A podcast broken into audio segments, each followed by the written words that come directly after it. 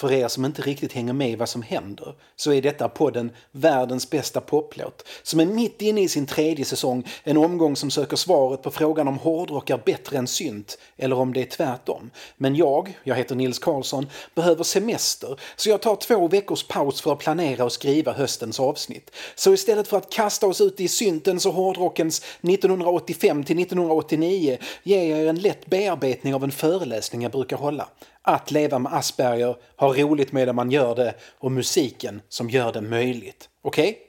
Okej, okay. det här är alltså andra delen av Sommar med Nisse. Ett koncept som bygger på lika delar lathet som det bygger på insikten att jag inte lär bli inbjuden att sommarprata i P1 på den här sidan döden. Om ni inte hört del 1 så rekommenderar jag att lyssna på den först för annars kommer det bli väldigt svårt att hänga med här. Är ni beredda ungdomar? Då kör vi! Sommar med Nisse Erkänn att det känns rätt.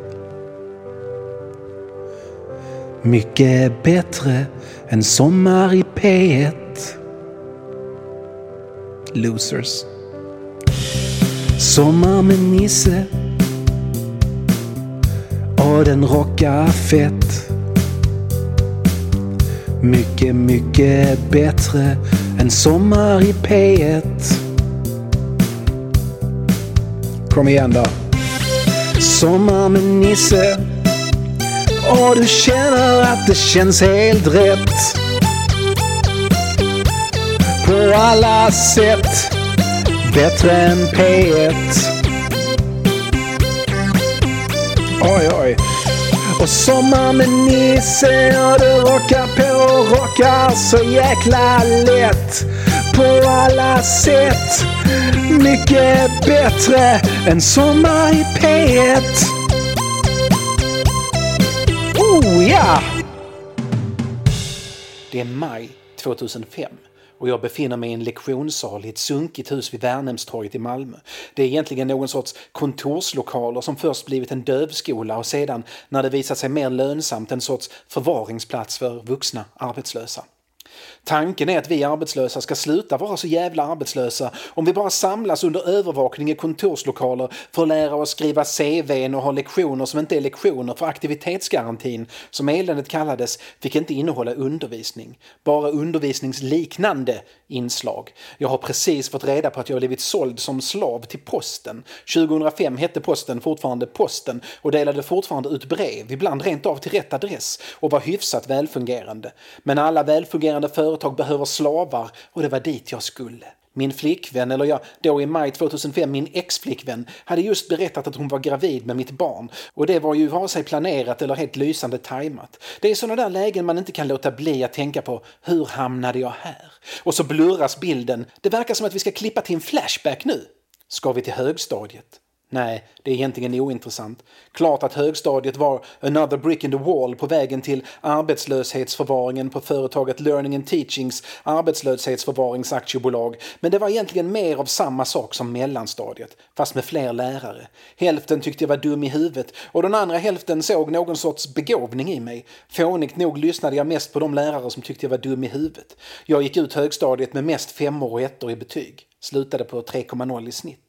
Alltså, jag vet att det låter otroligt, men en gång i tiden hade vi ett begripligt betygssystem i det här landet. 1 till 5 och relativa betyg. Lysande. Jag började spela elbas på högstadiet. Det var bra. Elbas är bästa instrumentet. Socialt var det såklart katastrof på många sätt. Högstadiet är ingen bra plats för autister. Allt är sociala spel och om man inte klarar av att spela dem så mår man inte bra.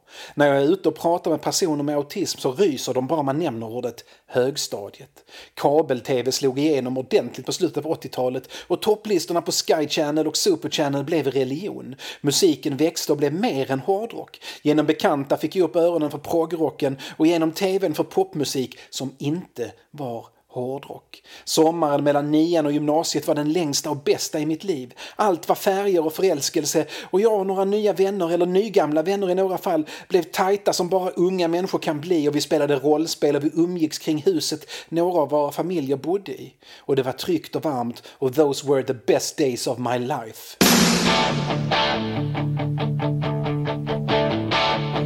I got my first real six string Bought it at the five and dime Played it till my fingers bled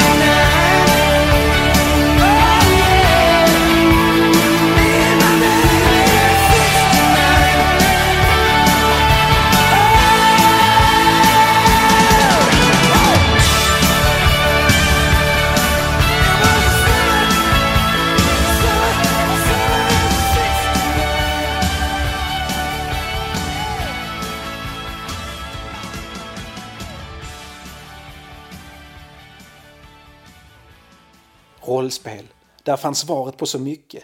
Jag och gänget spelade så ofta vi kunde och jag vet att många, många, många med Asperger eller annan högfungerande autism också upptäckt det.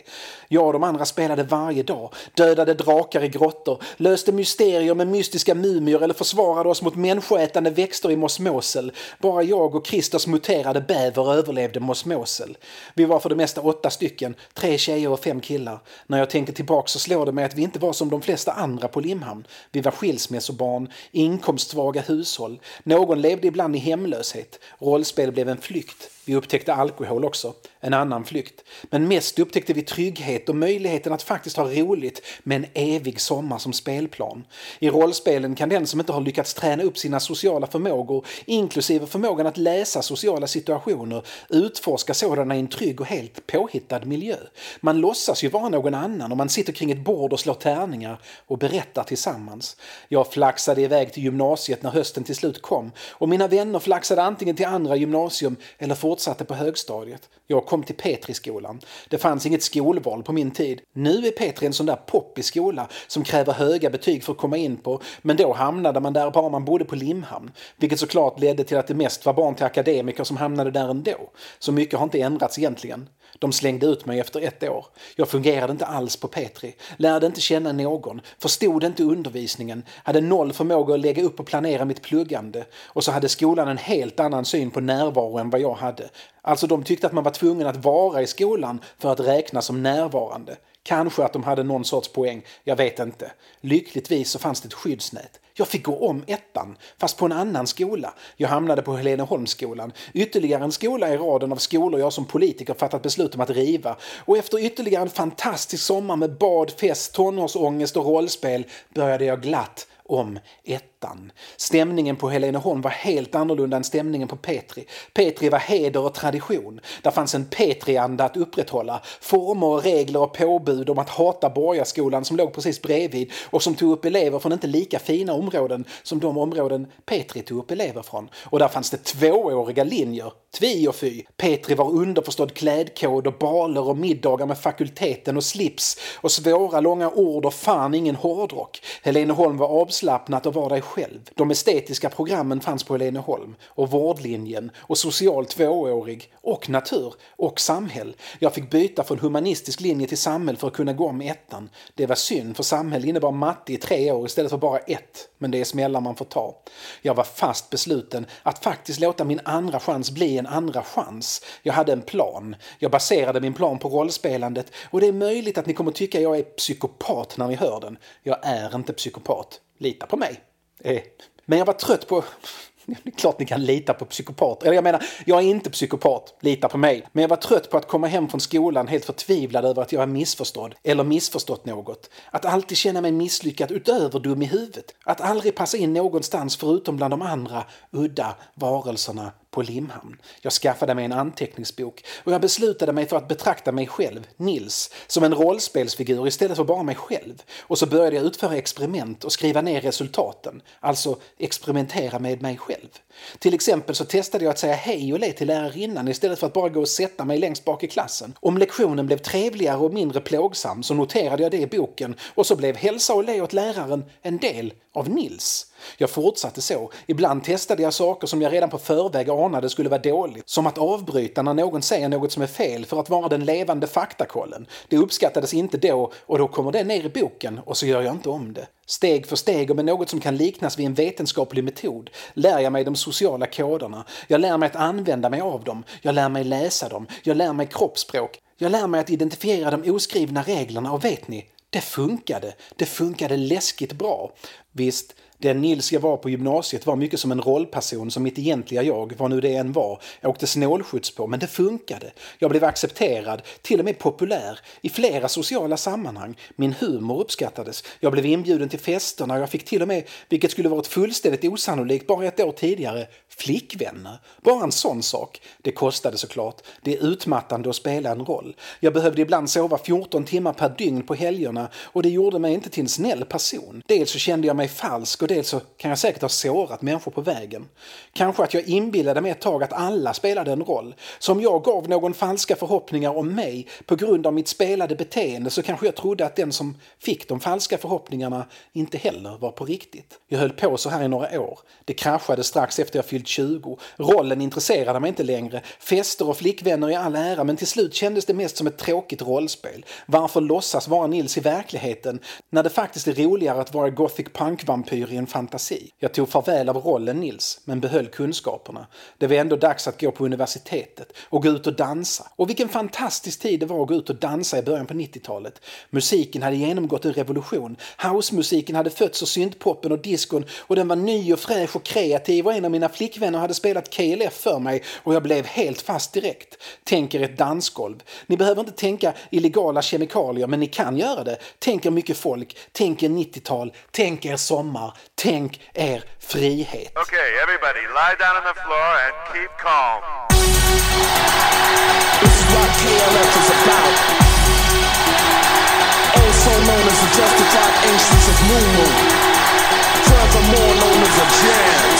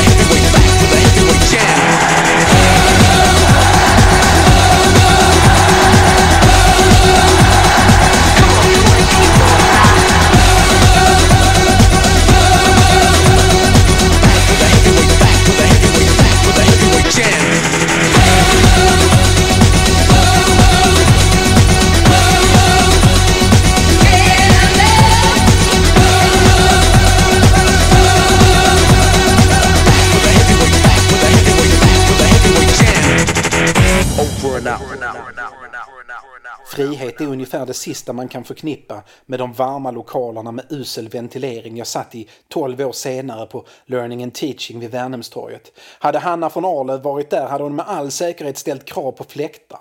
Men vi kunde såklart inte strejka, för vi arbetade inte. Om vi protesterade så skrev chefen på Learning and Teaching ett brev till Arbetsförmedlingen och så blev man avstängd och blev utan ersättning och vräkt och svalt ihjäl dåligt alternativ. Och imorgon skulle jag alltså börja på posten klockan jävla sex på morgonen ute i hamnen med en timmes bussresa.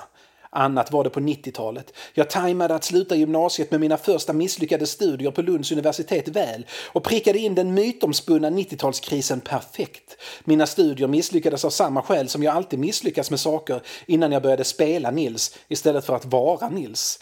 Jag fattade inte det oskrivna. Jag misslyckades med det sociala vilket ledde till frånvaro och frånvaro ledde till missad kunskap och underkända tentor. Jag läste en termin musikvetenskap och en termin psykologi. Den senare för att jag tänkte att jag kanske skulle kunna lära mig någonting som kunde ge mig svar på varför jag var som jag var tog sammanlagt tre poäng. Och det är bara för att läraren i västerländsk populärmusik bara hade frågor om Black Sabbath på tentan. Jag kanske inte hade pluggat, men jag kan fan min Black Sabbath. Okej, okay, en fråga det handlade om Velvet Underground, men jag kan fan min Velvet Underground också. Svaret på frågan var Lou Reed. Minns inte frågan, men minns svaret och antar att frågan var väldigt lätt. 90-talskrisen ledde till att ungefär alla i min generation var arbetslösa. Det betydde att man inte stack ut det minsta om man var arbetslös, för det var liksom grundläget. A-kassa blev alfakassa och sen något projekt från Arbetsförmedlingen som ledde till nya dagar och så vidare i evighet. En bra tid på många sätt, eller jag upplevde det som så då. Det fanns mycket tid för rollspel. Rollspelsföreningen Tomtar och Troll blev ett andra hem för mig. Men tio år bara försvann. Nu, med perspektivet jag har nu, tycker jag det är ett fruktansvärt slöseri på en generation. Och jag hoppas att vi inte gör om det misstaget igen, nu när det ser ut som att vi närmar oss ett liknande läge i konjunkturerna. För jag gjorde ingenting producerade ingenting. Mitt bidrag till samhället var några manus till ett barnprogram på lokal-tv och underhållning för den som uppskattade svartbetald rolig trubadur på sunkiga hak runt om i Malmö. Det mest meningsfulla jag gjorde var att spela orgel i en uppsättning av Jesus Christ Superstar. Det är en svår fucker att spela på orgel den, där jag träffade hon jag skulle få mina barn med. Hon dansade, jag spelade, vi klickade. Tio år som bara försvann. Allting förändrades 2003. Det var då Sverige på allvar gick från gamla Sverige till nya Sverige. Det var där det politiska spelet som skulle leda till att jag sålde som slav till posten började. Och det började med en debattartikel. Av någon helt outgrundlig anledning, det kan ha varit en vision, ett infall eller bara någon sorts konstig känsla vad det svenska folket stod för, skrev den dåvarande partiledaren för Kristdemokraterna, Alf Svensson, en debattartikel om att svenskar minsann inte fuskar med socialförsäkringssystemet. Vi är ärliga, vi är inte arbetslösa med flit, vi sjukskriver oss inte på ren jävelskap. Vi överutnyttjar inget av det stöd som det offentliga kan tänkas ge oss. Den där artikeln väckte funderingar hos statsminister Göran Persson. Det enda han tänkte när han såg sin politiska motståndare hävda att svenskar inte är arbetslösa med flit, inte sjukskriver sig på ren jävelskap eller överutnyttjar samhällets stöd är att det säkert finns hur många svenskar som helst där ute som är arbetslösa med flit, sjukskriver sig på ren jävelskap och som överutnyttjar samhällets stöd. Han hade inte helt fel. Eller så här. 2003 var 90-talskrisen över och vi var många som liksom hankade fram på avkassa. Min kompis Anders såg det som ren altruism att gå på SOS. Så länge han inte belastar arbetsmarknaden med Anders så kan ju någon som faktiskt vill jobba ta det jobb som Anders annars hade tagit, tänkte Anders. Win-win liksom. Och jag gick från mindre jobb någon månad för att få nya a-kassedagar till ett nytt mindre jobb när dagarna tog slut. Visst, jag bidrog säkert fortfarande till underhållningen på en del krogar runt Malmö, men det var liksom, ska vi säga, utanför den ordinarie ekonomin. Göran Persson slår i ett svar på Alf Svensson fast att svensken visst bedrar och det kostar samhället miljarders miljarder och nu får det vara slut på det. Gör din plikt, kräv din rätt och din plikt är att förvaras på vuxendagis om du inte har ett riktigt jobb. Socialdemokraterna med stöd av Centerpartiet genomför aktivitetsgarantin. Senare omstöd till fas 1, 2 och den förträffligt populära fas 3. Tanken var att man skulle garanteras aktivitet som man var tvungen att delta i för att få pengar. Aktivitetsstöd. Inte mycket pengar men strax mer än så som man hade låg hyra. Och 2005 hamnade jag på learning and teaching. Learning and teaching insåg jag direkt var bluff och båg rätt igenom, men jag hade inget val, så dit gick jag. I sex veckor för vad de kallade introduktion. Den gick ut på att öva på att skriva CV, mitt var befriande kort såklart. Det gick också ut på att ha tre andra lektioner per dag, fast det hette inte lektioner eftersom man inte fick undervisas i aktivitetsgarantin. Men vi fick prata om fåglar, skriva korta texter om favoritpoeter, gå ut och hitta ett träd som vi sedan skulle förklara varför det var ett fint träd. Aktiviteter helt enkelt. Learning and teaching fick bra betalt för att förvara oss. Men det som gjorde dem så populära på Arbetsförmedlingen var att Learning and teaching var mästare på att hitta praktikplatser åt folk. På praktik fick man fortsatt aktivitetsstöd, så arbetsgivaren behövde inte betala ett dugg. Men pengarna från Arbetsförmedlingen var inte Learning and Teachings enda inkomst. Nej, nej, det hade varit alldeles för simpelt. De sålde praktikanter till företag, tog en förmedlingsavgift för tjänsten att de kartlade våra kompetenser och matchade oss mot rätt företag. De hade till och med en annons i Sydsvenskan. Ni behöver arbetskraften, vi har praktikanterna. Och det var för denna förmedlingsavgift de sålde mig till posten. Senare, många år senare, såg jag flera av höjdarna på Learning and Teaching figurera i ett stort reportage i Sydsvenskan där tidningen kartlade mutor och korruption i Malmö stads egen arbetslöshetsverksamhet, Jobb Malmö. En skandal som nådde hela vägen till stadshusets sjunde våning där politikerna satt. Det hade ordnats jobb åt anhöriga sådär lite under bordet, som man gör. Några av dem som överutnyttjar systemen kan vara sossar. Så kan det gå. Men visst, posten är ju trevlig tänkte jag i min autistiska lilla enfald. Sortera brev och dela ut brev och ha med brev att göra liksom. Säkert inget som ställer krav på social kompetens. Och vem gillar inte brev liksom? Give me a ticket for an aeroplane. Ain't got time to take a fast train. Lonely days are gone, I'm a going home. My baby just wrote me a letter. I don't care how much money I gotta spend. Got to get back to my baby again. Lonely days are gone, I'm a going home. My baby just wrote me a letter. When she wrote me a letter, said she couldn't live without me no more. Listen, mister, can't you see I got to get back to my baby once more? Anyway, yeah, give me a ticket for an aeroplane. Ain't got time to take a fast train. Lonely days are gone, I'm a going home. My baby just wrote me a letter. When she wrote me a letter, said she couldn't without me no more. Listen, mister, can't you see I got to get back to my baby once more?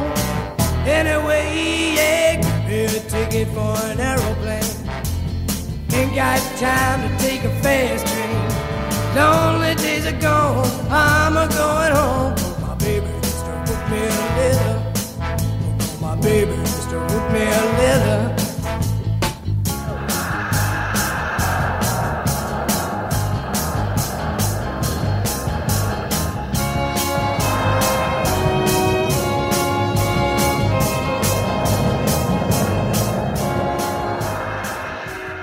hamnade på reklamsorteringen.